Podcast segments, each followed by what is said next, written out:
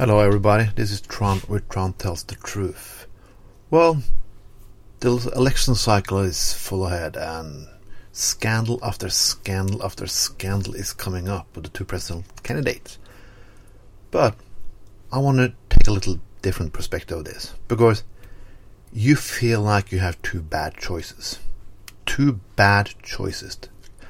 Well, you have Hillary is totally a little bit corrupt, and you have a lunatic called Donald Trump.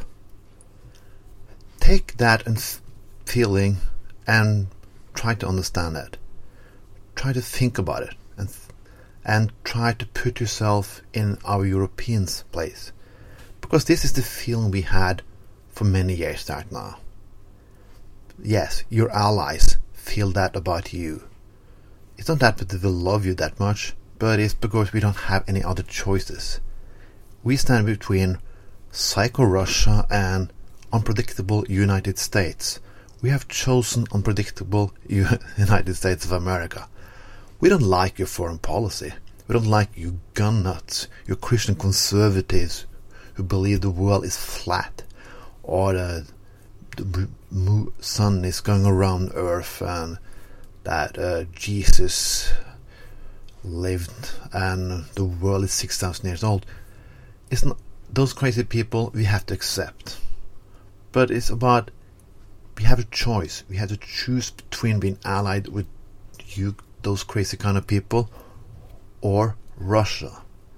Now you have an election, you have to feel the same thing that we have felt for years. You had two bad choices.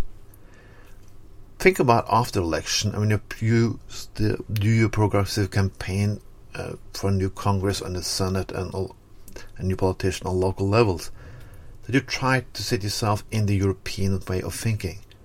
How we have to always choose between two not very good options. If you can think that, if you can understand that feeling, maybe your country will go ahead. Because it's not, I can cannot explain it clearer. This is how we feel.